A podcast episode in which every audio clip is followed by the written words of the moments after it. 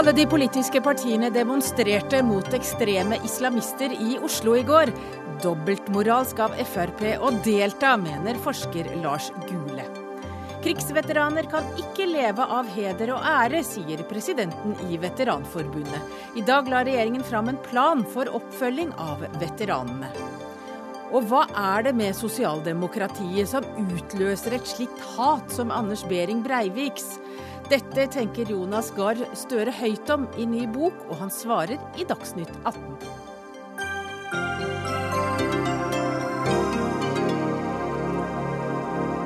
Dette er noen av sakene i kveldens Dagsnytt 18. Jeg heter Hege Holm, og vi skal i løpet av sendinga innom toppmøtet i Minsk mellom Putin og hans ukrainske kollega, og det ryktes at de har tatt hverandre i hånden.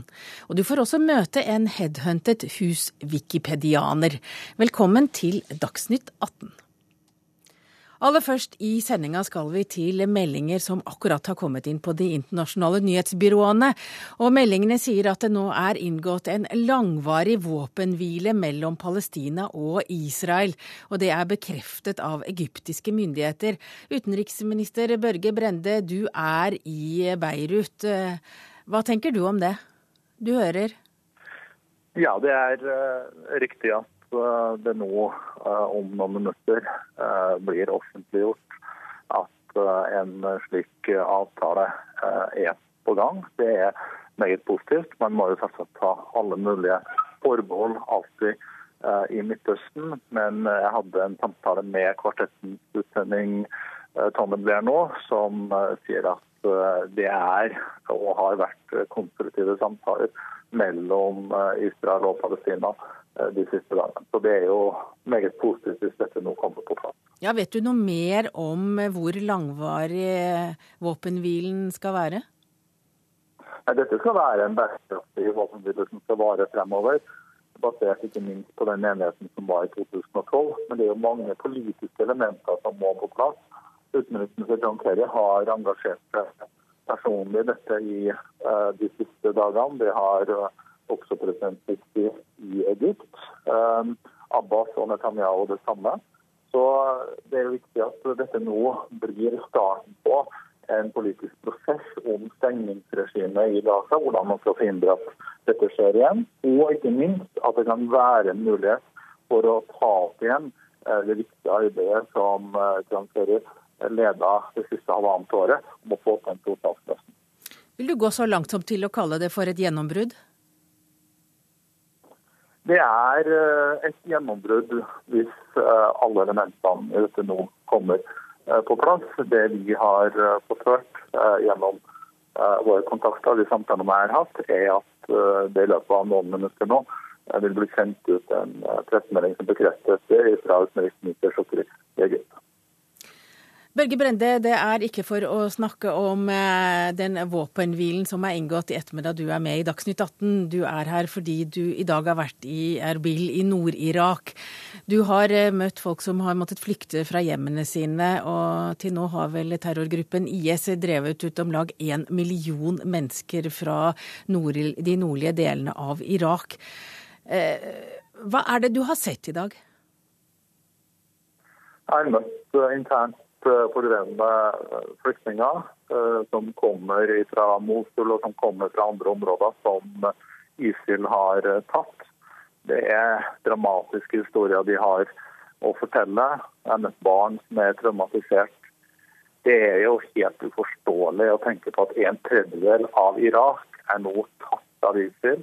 Presidenten i Kurdistan sier at det er 10-12 millioner mennesker på den irakiske sida som nå lever eh, under ISILs eh, forferdelige, barbariske og ekstreme regime. Og Det presidenten sa til meg, og som gjorde et ekstra sett inntrykk, er at det er ikke bare noen ekstremistisk og barbarisk organisasjon. Det er et uh, stort geografisk område, nærmest et landområde, eller et landområde som ISIL nå kontrollerer, fra Aleppo eh, vest og nord i Syria til Mosul. De var jo nesten fremme i Erbil i Kurdistan, og de var ikke langt unna eh, Bagdad. Norge har eh, i dag gitt 50 millioner kroner til nødhjelp, men eh, vi vet jo at det har vært svært vanskelig å få inn nødhjelp i Nord-Irak. Er du sikker på at den norske hjelpen kommer fram? Det skal vi gjøre alt vi kan for å få frem denne hjelpa. Det har vært diskusjoner i dag med FN og den humanitære koordinatoren om hvordan dette kan bedres, for det har ikke vært godt nok. Det er altfor mange mennesker i Irak som ikke får den hjelpa. Norsk hjelpa kommer jo på toppen av de 125 millionene de har gitt tidligere. Så kommer vi med 50 millioner nå. og I tillegg så stiller jo vi, eh, forutsatt at eh, de tingene kommer på plass, og med Forsvarets Hercules-fly for å hjelpe frem nødhjelp. Men det er behov for mer nødhjelp, det er behov for nødhjelp raskere, og det er behov for å få inn uh, dette gjennom uh, effektive transportmidler. Takk til deg, utenriksminister Børge Brende. Nå skal vi til deg, Sigurd Falkenberg Mikkelsen. Du er utenrikskorrespondent her i NRK, og du er i Erbil. Hvordan er eh, situasjonen i området nå? For flyktningene så er den eh, utrolig vanskelig, eh, særlig de områdene, i de områdene som ligger litt eh, nord for Erbil, i byer som Duhuk og Osako, hvor de virkelig store massene har søkt tilflukt til. Der er det mange, særlig da jesidier, som bor. Og dette er mennesker uten kontaktnett, uten støtteapparat. Vi ser de kristne har tross alt kirken og kirkesamfunnet å lene seg på. Jesidiene og en del andre minoriteter har ikke det, og de er utrolig sårbare. Eh, og de har i hvert fall eh, i noe grad ikke mottatt eh, noe særlig hjelp, og bor da rundt omkring der de finner det mulig. Alt fra byggeplasser til skogholt til, til under broer. Hvordan utvikler situasjonen seg? Det er jo for de flyktningene som nå har rømt hjemmefra. Men hvordan rykker IS eller ISIL fram? Eh, frontlinjene har stabilisert seg noe den siste uka. Eh, noe av den dramatikken som var her for et par uker siden, er eh, over. Kurderne tar sakte noe terreng tilbake, noen landsbyer. Men IS er altså i stand til å både slå tilbake og holde på disse landområdene. Et springende punkt her er i hvilken grad de klarer å holde på Mosul. Eh, jeg tror det kommer til å bli et veldig viktig punkt eh, framover. Hvordan er situasjonen der? Hvordan er situasjonen for de sivile der? Hvordan forholder de seg til IS? Dette vet vi lite om, fordi det er umulig for oss journalister å, reise dit. Og så ser vi også at det er en skyttergravskrig i stor grad også rundt Bagdad, hvor da sjiamuslimske styrker, gjerne sjiamuslimske militser eh, slåss mot, eh, IS på, på flere frontavsnitt samtidig. Nå hører vi jo at Norge har bidratt med 50 nye millioner i nødhjelp i dag. Eh, på hvilken måte kan Norge hjelpe, eller den vestlige verden hjelpe flyktningene i Irak? Det er flere ting som må på plass her. En ting er at mange trenger umiddelbar nødhjelp. Alt fra telt til mat til rent drikkevann. Eh, og så er det også langtidsspørsmål her. Eh, hva skal skje med disse flyktningene videre? Mange har lyst til å komme seg ut av Irak, de føler ikke de har noen plass her. Eh, hva kommer til å skje når det begynner å bli kaldere i været? Når vinteren kommer. Det er mange flyktninger jeg har snakket med som allerede er redd for det, for de tror ikke at de noensinne kan dra tilbake igjen. Men mye av dette avhenger jo av hvordan den politiske situasjonen er, og om det skulle lykkes å få en mer stabil situasjon i de områdene, sånn at flyktningene kan dra hjem etter hvert. Eh, men det er veldig få av de jeg har snakket med som tør håpe på det på kort sikt, i hvert fall. Takk til deg, Sigurd Falkenberg Mikkelsen, som er i Erbil. Dagsnytt 18 alle hverdager kl 18.00 på NRK P2 og NRK2. Da skal vi hjem igjen, for over 100 000 nordmenn som har deltatt i militære operasjoner i utlandet etter andre verdenskrig, skal eh, nå få bedre hjelp, i hvert fall hvis de har skader. I dag la regjeringen fram en plan for hvordan Norge på best mulig måte skal ta seg av veteranene etter at de er kommet hjem. Og forsvarsminister Ine Eriksen Søreide, hvordan eh, har dere tenkt å gjøre det? Det som er veldig nytt med denne planen, er at vi har gått sammen sju departementer om eh, å finne gode tiltak for eh, de skadde veteranene våre. Heldigvis så kommer jo de aller fleste hjem med gode erfaringer og ingen skader, men de som sliter, sliter ofte veldig tungt. Og noe av det som er det verste for dem, er møtet med det sivile hjelpeapparatet og forvaltningssystemet. De føler at de møter stengte dører. De føler at de møter lite forståelse og kompetanse. Og jeg syns i hvert fall det gjør veldig sterkt inntrykk når skadde veteraner forteller meg at det de opplevde ute i internasjonale operasjoner, var ingenting sammenligna med den kampen de føler de må må ta når de kommer hjem og skal få den hjelpa de har krav på. Så fra Forsvarets side har vi gjort veldig mye de siste åra, og jeg vil også gi ros til min forgjenger, særlig Anne Grete Strøm-Eriksen, som var veldig opptatt av veteranene. Eh, men det har skorta litt i det sivile hjelpeapparatet, og det var hele poenget vårt med å lage denne planen. Nemlig at vi skulle se helheten. Dere fikk litt kritikk av Riksrevisjonen eh, før sommeren. Er dette på en måte svar på kritikken? Ja, altså Det var jo for de tidligere oppfølgingene eh, i tidligere tider. Eh, og vi har jo forsøkt å ta hensyn til så mye som mulig av det Riksrevisjonen sier, og det gjelder på mange områder. Men særlig det å få et bedre saksbehandlingssystem, mer kompetanse inn, få veterankontakter på Nav-kontorene, og ikke minst at både spesialisthelsetjenesten, familievernkontorene, skole og barnehage er godt opplyst om det som skjer. For jeg tror ikke man skal undervurdere det at familiene til de som er ute, de er jo ikke bare berørt av oppdraget og det at man er ute, de er en veldig viktig del av det. Det er mange barn som er redd når foreldrene er langt borte og lurer på hva de gjør. Det er mange ektefeller som opplever at eh, hverdagen blir vanskelig når man kommer tilbake til det sivile livet igjen etter å ha vært eh, deployert ute alle de tingene er det viktig for oss at eh, vi får retta på. For når du kommer hjem, så skal livet både være godt å leve og mulig å bære. Ja, dette høres jo vel ut som eh, vakker musikk i dine ører, Britt Brestrup. Du er president i Veteranforbundet, og du er selv en veteran. Ja, vi hadde store forventninger til, eh, til denne oppfølgingsplanen. Det som vi kanskje syns er litt trist, er at den er veldig lite konkret. Riksrevisjonens rapport var veldig konkret, og det er vel antageligvis den man vil bli målt på også. Jeg antar kanskje at departementsområdene vil etter hvert Eh, være med å konkretisere den litt, litt mer. Hva er det du ønsker deg som du ikke får i denne Det er flere ting, men av 19 av 27 tiltak så er det anført at de skal kartlegge, utarbeide, utarbeide og vurdere. Og det er det som gjør at jeg syns at det er litt lite konkret for, for våre medlemmer. Jeg, eh, ja, for du mener at man vet hva behovet? Er ja, hvis man skal uh, ha tiltak, så må de tiltakene være så klare at det er en klar resultatoppnåelse som ønskes, og at det blir satt en tidsfrist på det. Eh, når det er sagt, så er det klart at, eh, at vi syns også det har vært litt eh, mangelfull involvering fra, fra, Det frivillige Norge, og da tenker jeg på veteranene. Og vi har veldig mye kompetanse som vi kunne ha bidratt med, men det er den lille den konkretiseringen som er litt vesentlig, nettopp fordi at vi hadde Dette bygger jo på handlingsplanen som den forrige regjeringen la fram. Og vi fikk jo tilbakemeldinger underveis at eh, så å si alle tiltakene var implementerte. Og da kan man jo stille et spørsmål med hva betyr implementert? Fordi at eh, her ligger det jo en del som man må ta tak i videre. Og som vi gjerne vil være med å bidra på, for vi har masse kompetanse blant våre medlemmer. Det ser ut som du er helt uenig med at det er lite konkret eh Altså, det er ikke helt unaturlig at når vi bryter ny mark på en del områder, bl.a. det å få andre departementer og sivil sektor til å jobbe sammen med oss på en god måte, så er det en del ting som må utredes. Vi hadde en pressekonferanse i dag hvor vi stilte fra seks av de sju departementene. Jeg opplever jo at eh, stemninga var veldig god i den forstand at retninga vi tar, støttes veldig. Og så er jeg, fullt absolutt, absolutt. Så er jeg veldig innforstått med at eh, organisasjonene er og skal være tålmodige, og det syns jeg er bra. For det betyr bare at vi får en ekstra ekstra push til å, til å følge opp det arbeidet vi gjør.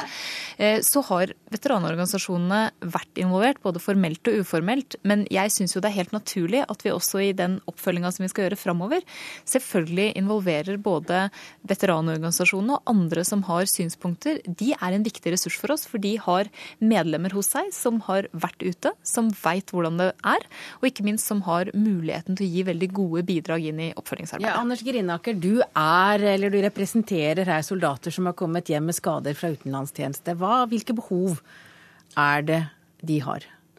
Det eh, primære behovet er, er eh, hvilke tilbud har det sivile samfunn.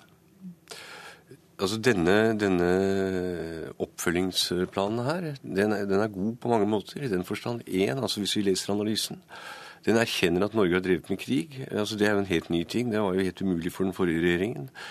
To, den erkjenner også at folk blir skadet i krig. Altså, nå har vi fått etablert et politisk faktum. Det som er litt skuffende, med all respekt, det er jo at uh, jeg skulle gjerne jeg møter gjerne forsvarsministeren, men jeg skulle heller ha møtt uh, arbeidsministeren, helseministeren. Fordi? Jo, fordi det er det sivile samfunnet som skal ta seg av. Og som Brestrup helt riktig påpeker, det er jo litt ullent, da. Altså Nå har vi hatt et, eh, et kontor på Hedmark eh, som har fungert glitrende. altså Hvor man har laget en ressursgruppe i Nav. Det har behandlet over 600 saker på tre år. Fantastisk. Dette fungerer. Dette er ikke implementert i denne planen. Men nå representerer eh, Ine Eriksen Søreide alle du har lyst til å snakke med, så her er det bare å skyte løs. jeg, jeg, jeg, med all respekt for statsrådens kapasitet, men, men dette seks departementer blir i meste laget. Jeg, tviler ikke på viljen eh, og evnen til å pushe på, men det er noe med at nå må det sivile samfunn ansvarliggjøres. Altså Forsvaret har gjort jobben sin. altså FD, det er ferdig, det er ferdig med dere, litt sånn sagt. Nå må det sivile samfunn eh, ansvarliggjøres hele tiden. Og det, er jo, eh, og det er jeg helt enig i. Og det er jo det nye i planen, nemlig at vi ansvarliggjør ulike departementer som hver har sitt ansvar i sivil sektor. Det gjelder både helse, Barne- og likestillingsdepartementet, Arbeids- og sosialdepartementet, Kommunal- og regionaldepartementet osv. Så, videre. så det er, en, det er et stort trykk på det, og hvert departement har fått klare ansvarsområder, hvem som har ansvaret for å følge opp. Eh, og jeg mener også at det er det er viktig når vi nå går inn i det videre arbeidet med planen, at vi tar eh, lærdom av de erfaringene vi har gjort, bl.a. med pilotprosjektet i Østerdalen. Vi mottok i departementet for bare få dager siden evalueringsrapporten fra, eh, fra pilotprosjektet. Som han fortalte om på Hedmark. Ja. ja. Eh, som er et kjempegodt prosjekt, ser det ut til. Det har vært mye positive tilbakemeldinger underveis. Og vi har jo hatt muligheten til å konferere underveis med de og hva de omtrent ville konkludere med. Og mye av det har vi tatt opp i planen, bl.a. det å sentralisere kompetansen i Nav. Det er veldig mange veteraner som opplever at de kommer til et Nav-kontor som absolutt gjør sitt beste, det, det vil jeg understreke, men hvor forutsetningene for å vite noe om hva den skadde veteranen har vært igjennom, er ganske liten. Og Derfor så er det å sentralisere kompetansen til de som har vært igjennom den type saker før, som har kompetanse på veteranenes skader, vil være et viktig bidrag til å gjøre saksbehandlinga lettere for veteranene. Og Det er ingenting jeg heller vil enn det, og det stiller hele regjeringa seg bak. Det som, er, det som er spennende, som blir spennende å se altså Vi vet at den politiske viljen er til stede. Det er om denne planen disse planene er forankret i Nav, altså i direktoratene, i Helsedirektoratet, i Nav. Hvis de er forankret, så er det mulig å gjennomføre. Men det er ganske store strukturer, altså. Og de, de er tankskip som plutselig skal snus litt på. Sånn jeg tenker at vi kommer til å møtes jevnlig. Altså, vi må sende sånne deadlines. Når er det eh, punkt 12 eh, skal gjennomføres, når er det punkt 20 osv. Så, videre. så får vi møtes etter hvert og så oppsummere. Men jeg vil, jeg vil gjerne se noe konkret før årsskiftet. Særlig på punkt 12, som gjelder da Nav. Vi skal selvfølgelig bygge opp under et godt system for våre skadde veteraner. Men vi må også huske, som ministeren har vært inne på flere ganger, at de langt fleste har en veldig positiv opplevelse. Og det tror jeg kommer ikke minst av det lavterskeltilbudet som NVIO har med landsdekkende lokalforeninger og kamerattelefon ut i det ganske land. Jeg er selv veteran og har vært ute på sju misjoner. Og jeg vet jo at hadde ikke jeg hatt den nærheten til, til mine venner, så ville jeg jo trodd at jeg var litt mer smårar sjøl også. For det er en god del reaksjoner som er helt naturlige reaksjoner. Og det må vi være med å fortelle, slik at vi unngår å få flest mulig skadde. Vi må ikke jobbe med symptomene, vi må jobbe også med årsakene. Og Der har også NVIO et tilbud å komme med, slik at vi kan få eh, sunnere, friskere, og at alle opplever dette positivt. Men Føler du at eh, kommunikasjonen er på en slik måte at eh, de konkrete, at de vil konkretiseres tiltak i løpet av kort tid? Jeg er i hvert fall helt klar over at vi vil bidra til å være med å konkretisere noen av disse tiltakene. Det er jo sånn at uh, I business så snakker man om kundetilfredshet. Vi snakker om veterantilfredshet. Og det er jo nettopp våre veteraner som kan være med igjennom vår landsdekkende organisasjon og fortelle hva som skal til, og hvordan vi skal få det til. Og vi vil gjerne bidra. Er det viktig for deg som forsvarsminister at veteranene blir tatt godt vare på? Ja, Det er knapt noen ting som er viktigere. Dette er jo et felt jeg har jobba med i mange år, også da jeg var leder av utenriks- og forsvarskomiteen. Eh, og jeg syns det er så godt og positivt å høre organisasjonene her ønske å bidra så tydelig inn. Veteranene er en kjemperessurs for oss. Og jeg syns også det er spennende å se på det både vi og andre, som f.eks. NHO Service nå gjør, med å bidra til å oversette den kompetansen veteranene har, og få de inn i arbeidslivet igjen. Det er en helt helt utrolig ressurs. Og så vil jeg bare helt til slutt si eh, noe som jeg tror kan oppsummere eh, det bildet vi står overfor i sivil sektor på en ganske god måte. Eh, Kåre Brendeland, en høyt dekorert krigshelt fra Bosnia, han fortalte meg, og han har gitt meg lov til å gjengi historien, fortalte meg at noe av det som var utfordringa for han da han kom hjem som 22-åring etter å ha opplevd og stått midt i helt eksepsjonelle hendelser, der han redda flere sivile liv, det var at når han kom hjem til sine kamerater på samme alder, så opplevde han at det var vanskelig å snakke med dem om det han hadde opplevd. Og det var ikke så rart, det var jo ikke fordi de ikke ville forstå, men de hadde egentlig ingen forutsetninger for å forstå. Og han sa at De var mest opptatt av eh, hvordan det sto til med middag den kvelden, og ikke så veldig opptatt av å snakke med han om de til dels veldig traumatiske opplevelsene som han hadde stått midt oppi. Og Det tror jeg oppsummerer litt det som eh, ofte skjer i møte med sivil sektor også.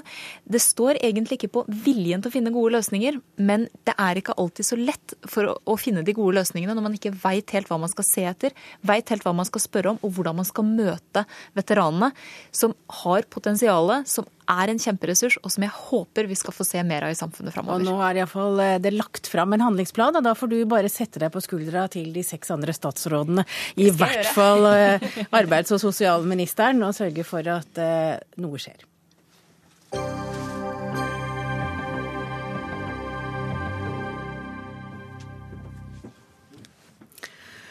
Russlands eh, president Vladimir Putin møter akkurat nå presidenten i Ukraina, Ukraina Petro Petrosjenko. De to deltar i et toppmøte med EU i eh, Hviterusslands hovedstad Minsk. Og forsker ved Forsvarets forskningsinstitutt Tor Bukkvold, eh, hvordan er forventningene til dette møtet? Ganske laber, men ikke, det er ikke helt umulig. Jeg så faktisk på ukrainsk side av siste uke vært en del optimistiske utsagn nå fra den politiske ledelsen.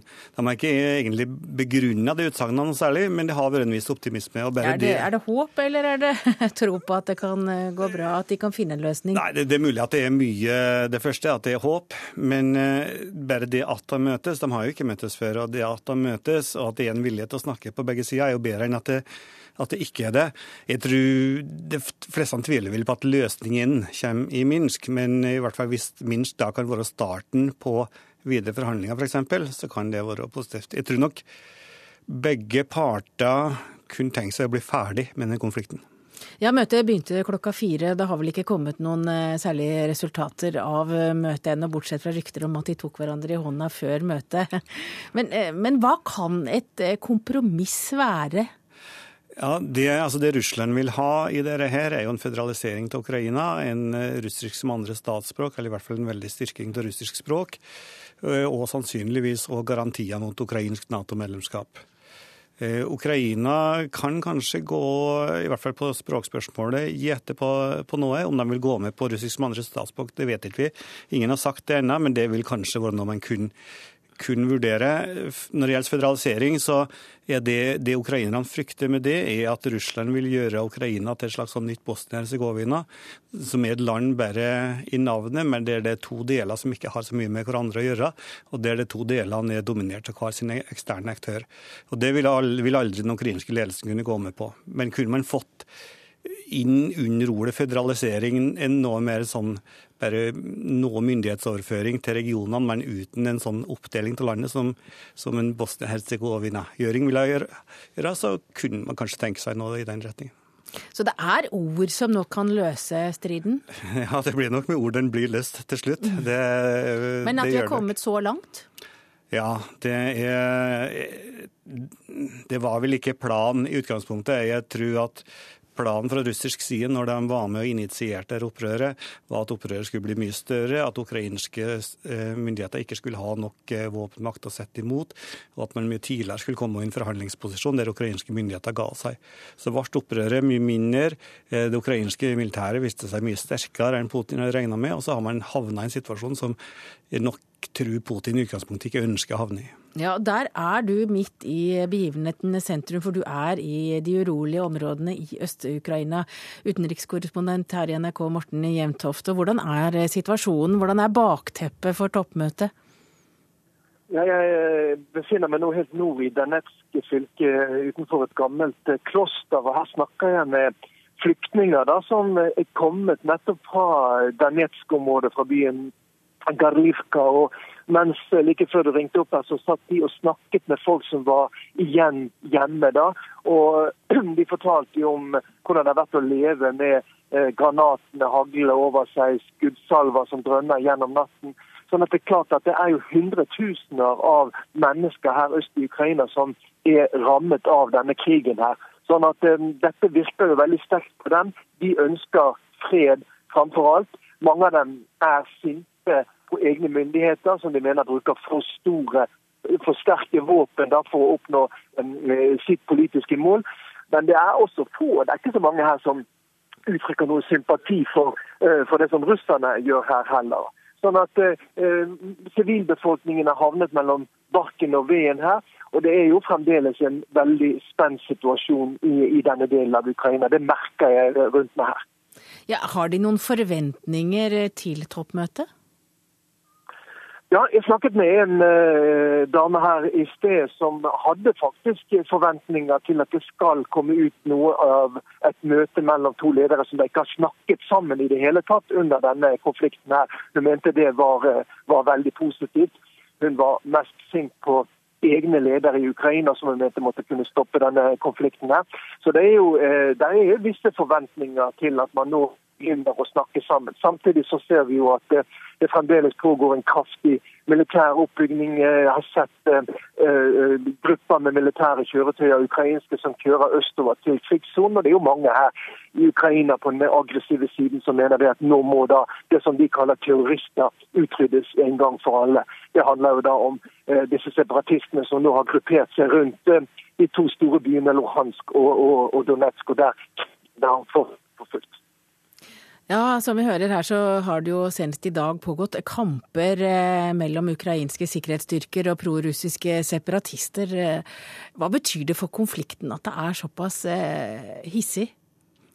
Nei, det, det, det, gjør jo selvfølgelig konflikten vanskeligere å løse. Men jeg tror nok Putin sitter med mye av nøkkelen her. Eh, selv om det nå er en voldsom sinne partene imellom i Øst-Ukraina, så er det ikke sånn at Putin som president i Russland ikke har noe påvirkning på de øst-ukrainske opprørene. Så hvis, Putin, hvis, hvis, man kommer fram til gjennom de samtalene da, at, at, Putin rett og slett slutter å støtte opprørerne, så vil nok ganske mange av opprørerne skjønne at eh, her fører ingen vei.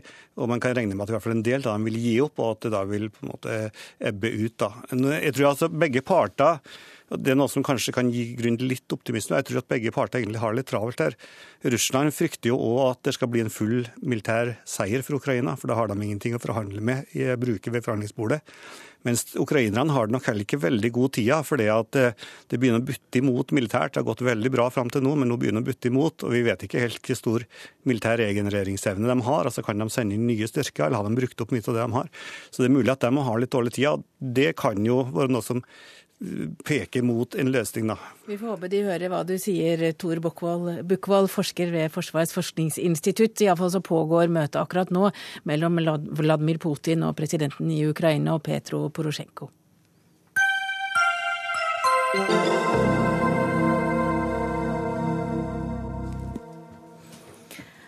Ja, Det var nesten så en bare ville forfølge temaet med en tidligere utenriksminister som nå kom inn i studio, men det skal vi ikke gjøre. For grunnen til at Jonas Gahr Støre er her akkurat nå, det er en bok som kom i dag. Den heter eh, I bevegelse veivalg for det 21. århundre. Og Jonas Gahr Støre har skrevet den bl.a. i samtale med Jonas Bals. Og I boka skriver han om mange forskjellige ting, men han skriver bl.a. at valgnederlaget i fjor kan bl.a. tilskrives nordmenns behov for å legge attentatet eller massemordene 22.07 bak seg, og at regjeringen da utløste Breiviks handlinger, og at de også vil kvitte seg med regjeringen. Og nå vil du også ta et oppgjør med 21.07, som du ikke har tatt før. Du lurer på hvordan kan det ha seg at eh, sosialdemokratiet kan utløse slikt et hat. Og dette har du tenkt en del på, Jonas Gahr Støre. Hva tror du er bakgrunnen? For at vi tapte valget? Nei, ikke for at dere tapte valget, men Nei, bare, for meg, la, eh, det voldsomme hatet. Ja, men La meg kanskje begynne med det du, du sa en del i ja. innledningen her. At, eh, la meg bare være helt klar at vi tapte valget fordi velgerne ville ha et annet flertall. Og det var sammensatt av mange politiske saker, slik det er i det sunne norske demokratiet. Eh, vi hadde regjert i åtte år. Valgforskerne har gitt mange forklaringer på det. Det jeg forsøker å dele, det er jo at fra 22.07. til valget i 2013 så opptok 22.07 oss i ledelsen av Arbeiderpartiet veldig og det preget regjeringens arbeid. Eh, og jeg tror at det sugde mye krefter av oss også, som var helt nødvendig å bruke på alle de som var rammet, alt det som vi var rammet. altså Det var et attentat mot en politisk bevegelse, og alt det som gikk på det som hadde sviktet. Så jeg tror at det er en del av det bildet som førte til at vi ikke vi klarte å møte velgerne i fjor høst med den kraften, optimismen og lysten på framtiden som man skal ha i et demokrati. Så det, det er noen forklaringen på det. Det må ikke fremstilles som at det var forklaringen, men jeg tror det var en element som uh, ga noe av bakgrunnsteppet, iallfall for oss i Arbeiderpartiet. Det andre temaet det eh, har jo vært diskutert en del eh, hva dette sinnet går ut på. Det er jo da veldig kraftig kommet til uttrykk i Breiviks handling. Eh, og jeg tenker at hvis det hadde vært slik at man etterpå kunne sagt at han var jo helt alene om å ha de meningene og holdningene, så kunne vi lagt dette til side. Men det vi har sett etter 22.07. og en del av studiene av meningene før, er at han er jo ikke alene om å ha dem. Vi har det mørke nettet, som nå er blitt omtalt, det som kommer der i spaltene og, og, og rundt forbi. Eh, men også i andre deler av samfunnet hvor det kommer til uttrykk en, en holdning til både vold og ekstremisme som ikke nødvendigvis fører til handling, men som eh, skaper et klima som gjør meg urolig. Og For Arbeiderpartiet er det vel sånn at vi har hatt mye ansvar gjennom langt over 100 år. Det har vært et parti som har blitt holdt ansvarlig for det som har gått bra, og for det som noen mener har gått dårlig. Og at det sånn sett har bygget seg opp en slags uh, tradisjon i noen miljøer av å rette et sinne mot uh, Arbeiderpartiet. Det er også lov i et demokrati, uh, og jeg mener vi må ta det ved å ha sittet med så mye ansvar så lenge. Men jeg følte behov for å skrive om dette fordi 22. juli har aktualisert det på en så veldig dramatisk måte. Og jeg opplevde kanskje at vi etter dette dramaet har lagt en del av den debatten til side, eller kanskje ikke gått ordentlig inn i den. Hvordan vil du gå inn i den debatten? Altså For meg er det på en måte tre nivåer på dette. Det ene er rettsstatens oppgjør med gjerningsmannen. Det mente jeg sto til, besto sin prøve til fulle. Det var en rettssak i rettsstatens beste tradisjon. Så hadde vi 22. juli-kommisjonen. Det kan man diskutere sider av, men jeg mener også det lever opp til demokratiets gode tradisjon. En uavhengig kommisjon leverer sin rapport, Stortinget jobber med den, regjeringen følger opp de punktene som er. Og nå er du partileder, så nå kan du eh, bestemme over partiet ditt. Jo, men så er det den tredje delen, og det er jo dette med holdninger og handlinger. Eh, og eh, det står i 22. juli-kommisjonen innledningsvis veldig tydelig at de tar ikke stilling til hvor gjerningsmannen kom fra, altså årsaken til det som skjedde. Og jeg tror det ligger altså mer der. Som vi sa rett etter 22.07, at det er ikke tid for å snakke om det nå, av gode grunner. fordi at da skulle vi oppheve en del forskjeller og stå sammen, slå ring om hverandre. Men kanskje er tiden kommet med litt mer avstand til å kunne diskutere hva som ligger til grunn for dette. At det fortsatt verserer ganske fritt på nettet. Nå nylig i går med demonstrasjonen vi hadde i Oslo, hvor det rettes nå kraftfullt hat mot noen av arrangørene der, unge muslimske kvinner. Så det er en nerve i den norske samfunnsdebatten som ikke skyr unna å bruke veldig kraftig språk. Og jeg er urolig for at det kan også da eh, i et gitt tilfelle legitimere folk som kan begå gale handlinger. Ja, du, du, snakker jo om, og det gjorde du også i Politisk kvarter i dag morges, at du er ikke helt sikker på om den veldige åpenheten rundt meninger som, som har virket inspirerende på, på attentatmannen 22.07, er så bra. Du frykter at det kan være en, hva er det du kaller det, en hvitvasking av holdninger? Jo, men, men du vet, jeg vil jo aldri si at man ikke skal være åpen for veldig kraftige meninger i et demokrati med ytringsfrihet. Eh, det er også en måte å drive det tilbake på. Eh, at man er det. Men eh, jeg syns vi har sett noen eksempler på at fordi en del på den ytterste høyreekstreme fløyen sier at de har følt seg kneblet. Jeg mener at det er ikke nødvendigvis grunnlag for å si at de har følt seg kneblet. Det er ikke alle som kommer på med alt du vil i spaltene. Så har det vært et ekstra behov for å løfte det fram. Eh, og Det er jo redaktørenes ansvar å vurdere, og jeg har respekt for at det å vise at alle slipper til i spaltene er bra. Men det er også tydelig da, i fall veldig viktig å understreke at vi da som samfunn tydelig konfronterer den type meninger når de kommer fram.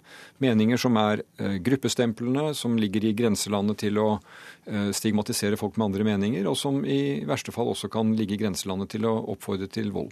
Men Jonas Gahr Støre, hvis du som leder i Arbeiderpartiet, etter at studiesirklene har sendt inn sine rapporter og hadde diskutert holdninger eh, over det ganske land i partiet ditt, finner du ut at dette er egentlig altså det er mange som altså Det er ikke så fremmede en del av holdningene som kommer fram i manifestet til Anders Behring Breivik, ikke er så fremmede. At det, det er mange avskygninger av det i samfunnet. Hva vil du gjøre med det? Jeg trenger ikke noen studiesirkler for det, jeg. Vi ser jo det, at det er slik. Eh, i det mørke nettet og det litt mer åpne nettet. Og, og Men det kan jo til og med være ditt eget parti? Ja, det kan det være. Eh, og det har jeg ikke noen grunn til å si at det ikke kan være. Og så, gjør... hva gjør du så? Nei, men Det gjøres jo nå en del arbeid. Jeg, jeg skriver i boka at jeg gir honnør til statsministeren for det fokuset hun har satt på det hun kaller nettrollene. Det er viktig at vi har et arbeid uh, gående mot ekstremisme. Det har også regjeringen fulgt opp. Det, det, tror jeg er bra. Jeg bare mener at samfunnet må ha en beredskap mot det. Nå diskuterer vi beredskap ut fra det at rykker uh, politi og helsevesen ut raskt nok? Fungerer sambandet raskt nok? Det er veldig viktig at det fungerer. Men fungerer din og min årvåkenhet uh, i disse sammenhengene godt nok? Jeg siterer en blogger som, som skriver, og det gir han ros for, at noen av oss etter 22. juli tenker over at det vi skrev kanskje kan ha gitt gjerningsmannen følelsen av at han var mindre alene enn han egentlig var. Og det mener jeg er en veldig voksen og moden eh, erkjennelse om at eh, slik blir meninger til. Og i dette katastrofale tilfellet så ledet meninger, meninger eh, til en også katastrofal handling. Du har skrevet en bok på 450 sider. En bok med mye analyser og ikke så mange oppskrifter på hva det er du har tenkt å gjøre med det. Men når, hvis folk leser da 450 sider om, med har dine lest, tanker Har du lest den? Jeg har ikke rukket å lese alt ennå, men jeg skal klare det. Men hva vil du at folk skal sitte igjen med helt kort? Altså, De skal sitte igjen med at uh, vi er ett år inn i en stortingsperiode. Jeg mener det ligger store oppgaver foran oss som er spennende for det norske samfunnet. Jeg har skrevet om noen av de veivalgene. Uh, jeg har gitt ganske mange retninger på hva jeg mener er de gode løsningene, i tråd med hva jeg mener er moderne sosialdemokrati. Men jeg tror vi står overfor store forandringer, og jeg tror også politikken må tåle forandring, godt forankret i verdier. Uh, det er 11-12 forskjellige temaer fra kunnskap, utdanning, Europa, klima, integrering tillit i samfunnet som her er eh, omtalt ganske inngående. og Da tror jeg kanskje folk forhåpentlig sitter igjen litt klokere. Om de også skulle ha noen flere spørsmål, så er jeg ikke så redd for det. Så i bevegelse er en tittel du står for? Uh, ja, og det mener jeg er jo det, det, som er konstant, er at vi er i bevegelse både som samfunn og vi som er som mennesker. Og vi som driver med politikk må også da tåle å se at politikken må bevege seg. Og nå må du tåle å høre hva vår politiske politisk kommentator Magnus Takvam eh, her i NRK tenker etter å ha lest boka di. I hvert fall har han prøvd å pløye seg gjennom mesteparten. Er det en klargjørende bok for hvilken leder Jonas Gahr Støre kommer til å bli av Arbeiderpartiet?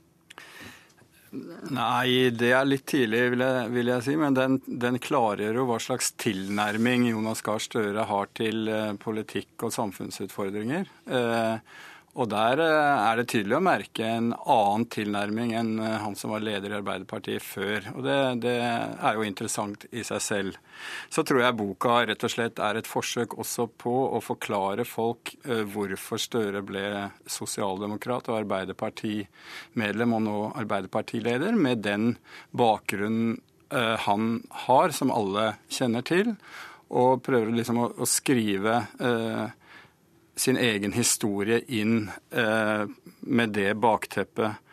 Også som, som han sjøl har vært inne på her, er, er, Støres tilnærming til den nye rollen som Arbeiderpartileder nå, og skal vi si, forsøke å definere de utfordringene han mener Arbeiderpartiet og Norge må løse framover på en lang rekke områder, og ikke konkludere ennå. Han har satt ned tre forskjellige utvalg i partiet osv., så, videre, så det er hans, hans tilnærming. Hva er hans prosjekt? Eh, for det første er en del av forutsetningen og prosjektet nå å prøve å definere igjen Arbeiderpartiet som en samfunnskritisk eh, kraft. Eh, altså at åtte år i regjering, i regjeringskontorene, har gjort at Arbeiderpartiet har utviklet seg på en skal vi si, defensiv måte, har måttet forsvare det som har skjedd. og ikke Selvfølgelig har det sugd mye av den kreative energien et parti må ha til å se framover. Så han vil da prøve å definere partiet fra opposisjon som et samfunnskritisk parti, et søkende parti på nytt. Og så er det riktig nok at eh, han ikke, og partiet ikke har svar på alle disse spørsmålene? Så han skaper jo seg selvfølgelig også da en fallhøyde, som vi har sett et par eksempler på i det siste. med altså Behovet for å markere fornyelse, som, som, eh, Støre har som partileder, har jo ført til en debatt om f.eks. utspill om klima- og miljøpolitikk. Hva er det egentlig presist han mener om det? Hva slags skattenivå er det eh, Arbeiderpartiet vil legge seg på eh, framover? Den typen viktige avklaringer må både han og partiet da svarer på etter hvert. Og de svarene får ikke fullgodt i den, denne boka. Nei, Nå kommer det jo to biografier til om Jonas Gahr Støre i høst. Eh, hvilke forventninger har du til disse? Vel, vi Det er klart eh, De vil vel kanskje gå litt tettere på personen og, og, være litt mer konfliktorientert enn det en person som skriver og svarer på, på ting på egen hånd gjør. Men eh, det er jo alltid litt, det er jo litt tidlig å, å skrive en biografi om Støre også, da. Jeg, men det blir spennende å lese hva de har greid å finne ut uh, når, den, når, disse bøkene kommer i løpet av et par måneder. Er det for å komme dem i forkjøpet du nå har skrevet selv, Jonas Gahr Støre? Jeg har ikke skrevet en biografi. Uh, så det er én bok av meg og to om meg. Det siste må jeg forholde meg til. Jeg er jo spent på det, jeg også. Jeg tenker at uh, i mitt stille sinn at folk må jo få passe nok av meg i høst. Så jeg kan bli lei Det kan du få se på julesalget. Jo, men jeg kan bli lei av å se meg selv i speilet om morgenen. Men jeg tenker at tre bøker er mye. Men jeg er veldig glad for at jeg iallfall vant kappestriden om å være først. For min bok handler egentlig ikke om meg, den handler om Norge. Og jeg håper at folk vil lese om det. Takk til deg, Jonas Gahr Støre, leder i Arbeiderpartiet, og Magnus Takvam, politisk kommentator her i NRK. Hør Dagsnytt 18 når du vil Radio NRK Radio.nrk.no.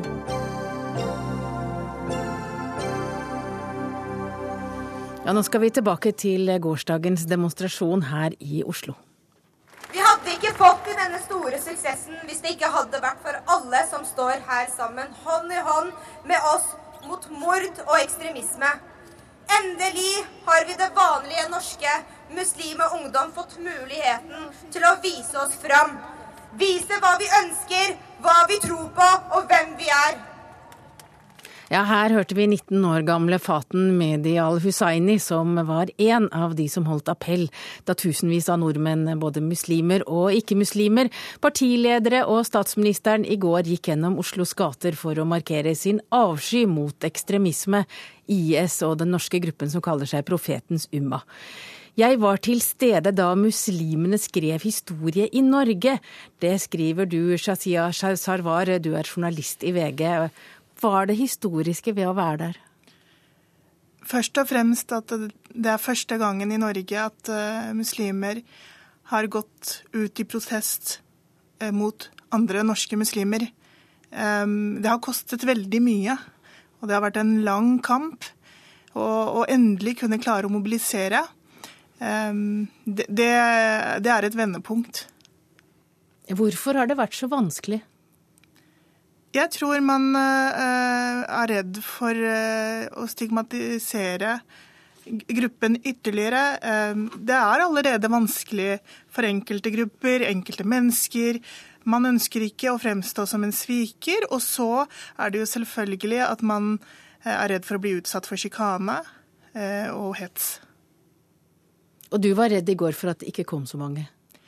Ja, som mange andre så var jeg det. Fordi eh, jeg klarte ikke å lodde stemningen, selv om eh, alle jeg kjenner skulle, og alle var veldig opprømte og ville virkelig at det, det, det, dette skulle lykkes. Men eh, alle var vi litt nervøse. Og derfor så var det utrolig deilig å se at vi var tusenvis. Vi har hørt at tidligere generasjoner med muslimer ikke har sett nødvendigheten av å ta avstand fra ekstreme grupper, men det var altså en 19 år gammel jente som startet dette. Hvor kom tanken fra? Var du kanskje med og sådde den? Det, det vet jeg ikke, men det har skjedd noe de siste månedene. Eh, dette handler ikke bare om intervjuet som VG gjorde, men vi, vi har sett konsekvensene av ekstremisme. Norge eksporterer terrorister som, eh, som eh, dreper og blir drept. Eh, og, og, dråpen var da i det intervjuet, for den viser så um, utilslørt hvordan våre barn blir jernvasket. Og det, det, var så skremmende å se for meg som mor, og, og det ble plutselig så utrolig eh, nært. Og Da mener du altså intervjuet med lederen i gruppen som kaller seg for eh, Profetens Uma? Ja. Og du skrev da i VG etterpå og etterlyste oppgjør? Ja, og den kom jo. Eh, eh, den startet jo egentlig umiddelbart etter intervjuet. og jeg det, det fins knapt noen eh, fremtredende norske muslimer som ikke har fordømt og ikke har tatt det oppgjøret, og det er så utrolig deilig å se. Hva tror du at denne demonstrasjonen kan ha å si for fremtiden? Alle uh, vendepunkter blir jo fulgt av en hverdag. Så den hverdagen kommer jo. Um, det, det, den umiddelbare effekten er at praten i kantina blir lettere for norske muslimer.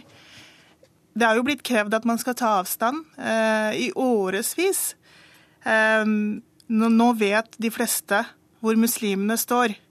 Det, var, det som var veldig viktig i går, var jo at det var så mange ulike imamer, ulike eh, etniske bakgrunn, som, som var så eksplisitte. Og det har vi savnet.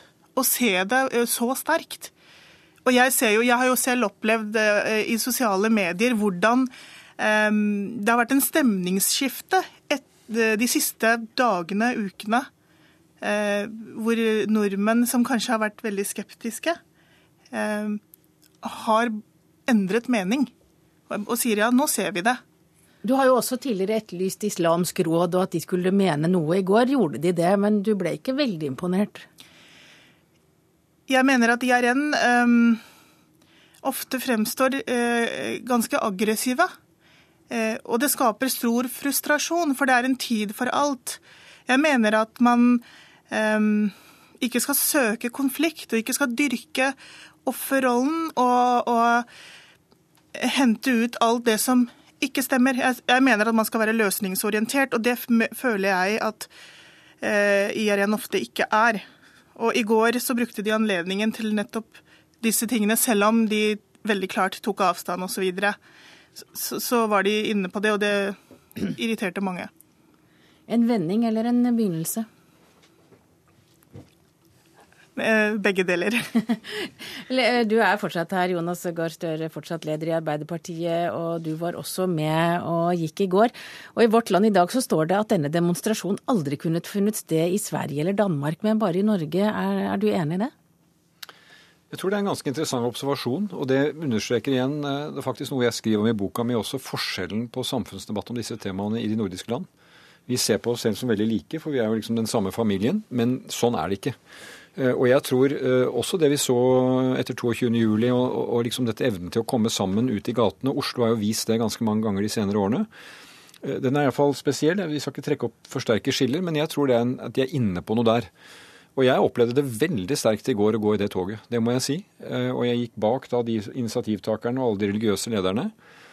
Og jeg, bare for å være ærlig, følte at det å kunne stå der og si at i dag følte jeg at muslimene talte på mine vegne, det var egentlig en flott ting å, å, kunne si. fordi at dette var jo folk som sto opp og sa nok er nok. De slo ring om verdier som vi har felles i Norge.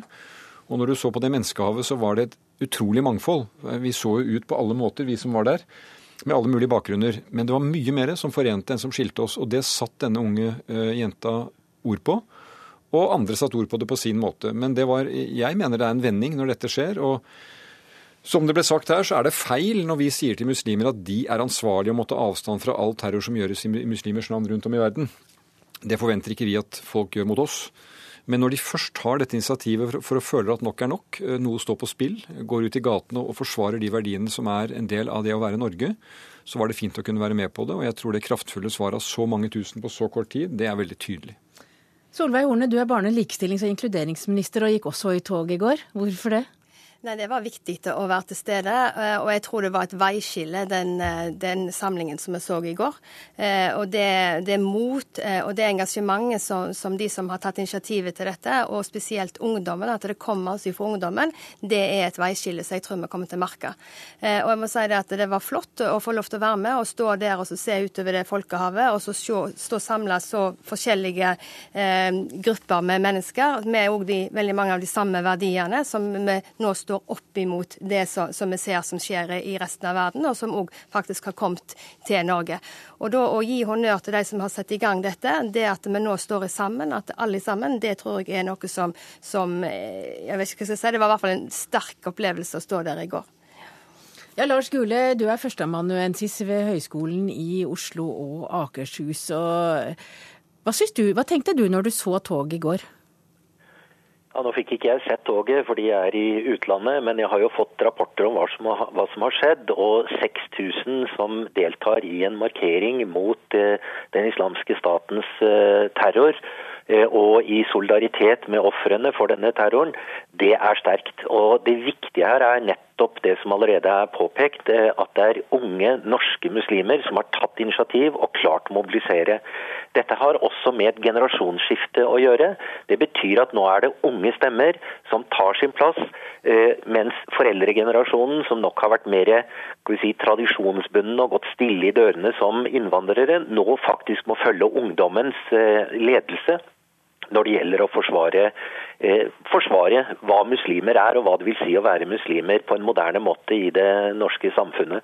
Så jeg er enig i den vurderingen at dette var ja, et slags tidsskille. Og eh, det bør ha tydeliggjort for eh, nordmenn flest at muslimer er en mangfoldig eh, gruppering.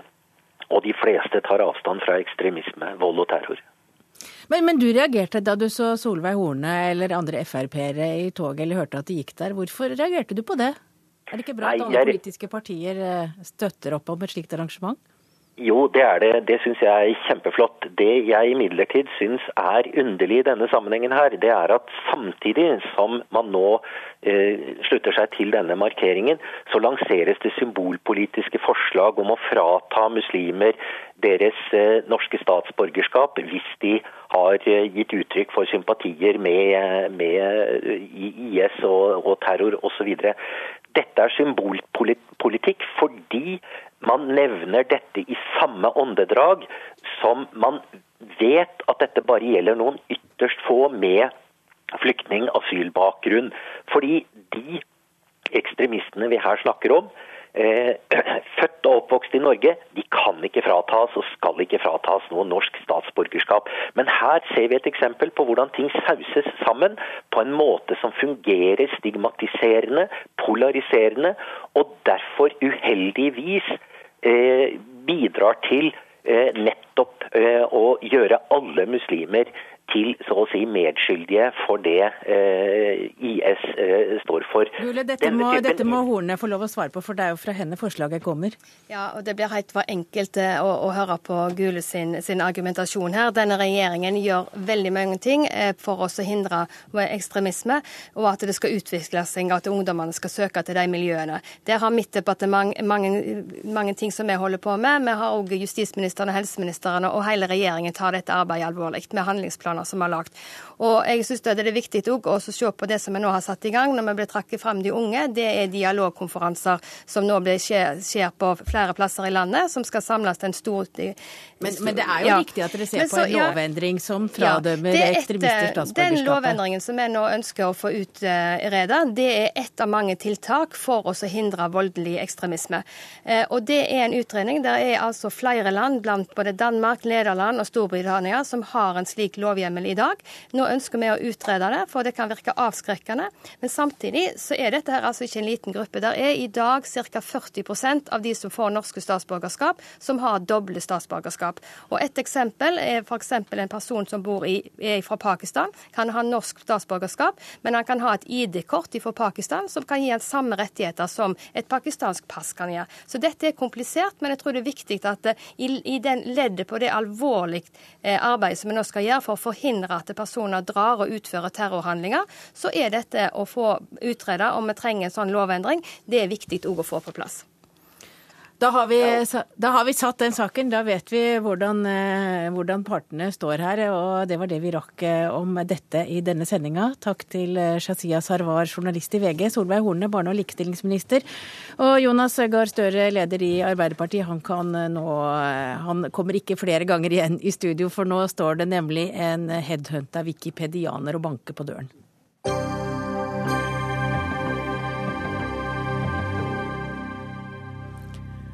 Ja, Lars Inge Alvik, du er altså en huswikipedianer på Nasjonalbiblioteket, og dit er du altså headhunta. Nå må du forklare hva det er du skal gjøre.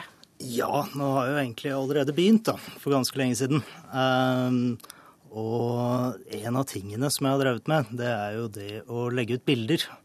Fra Nasjonalbiblioteket har jo en ganske stor samling av både fotografier og bokillustrasjoner osv. Og, så og det er én ting, legge det ut fritt tilgjengelig, og der har vi fått lagt ut rundt 7000.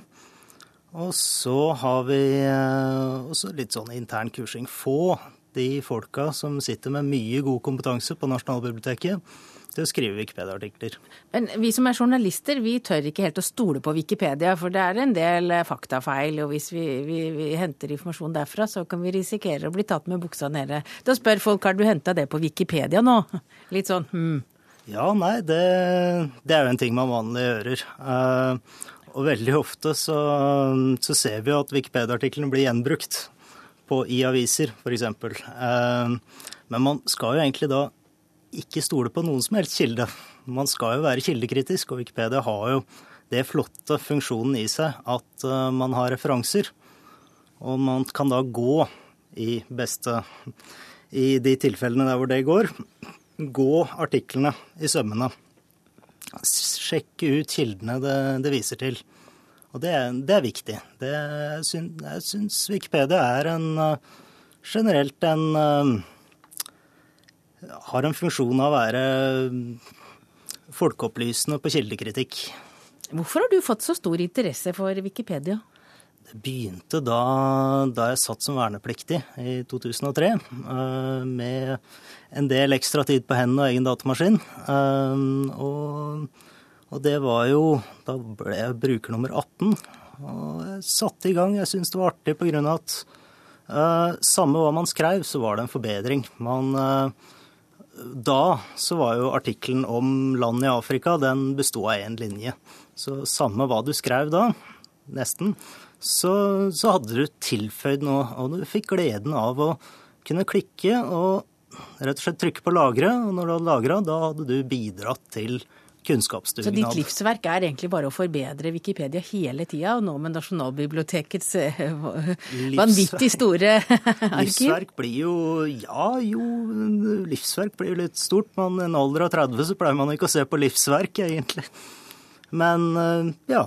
Det vi har jo fått lagt ut rundt 7000 allerede, så, og det kommer jo mer. Da. Hva er det viktigste, syns du, når du jobber på noe som Nasjonalbiblioteket? Hva er det viktigste å få ut, sånn at folk ser det? Det, det er jo de tingene som er eh, de tingene som er spesielle. De tingene som bare Nasjonalbiblioteket sitter med. Sånn som for eksempel en av tingene vi la ut nå relativt nylig, det var jo Nansen sin bildesamling. For der, eh, den er jo fritt. Den har falt til det fri. Og det besto av rundt 3000 bilder, og det besto Der var det veldig mye forskjellig og veldig interessant informasjon. Man fikk bilder til artikler på Wikipedia som man ikke hadde forventa at man noensinne skulle få bilder fra. Obskure borgermestere i Birmingham osv. Det er det du skal sitte og pusle med, eller du sitter og pusler med om dagen. Er det noen oppfordring du har til folk som bruker Wikipedia? Oppfordring, det er å bidra.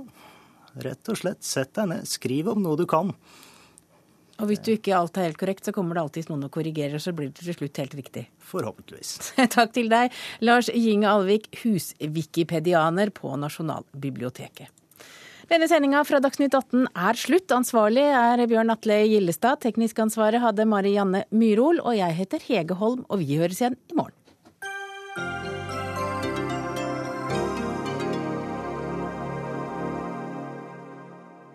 Hør flere podkaster på nrk.no podkast.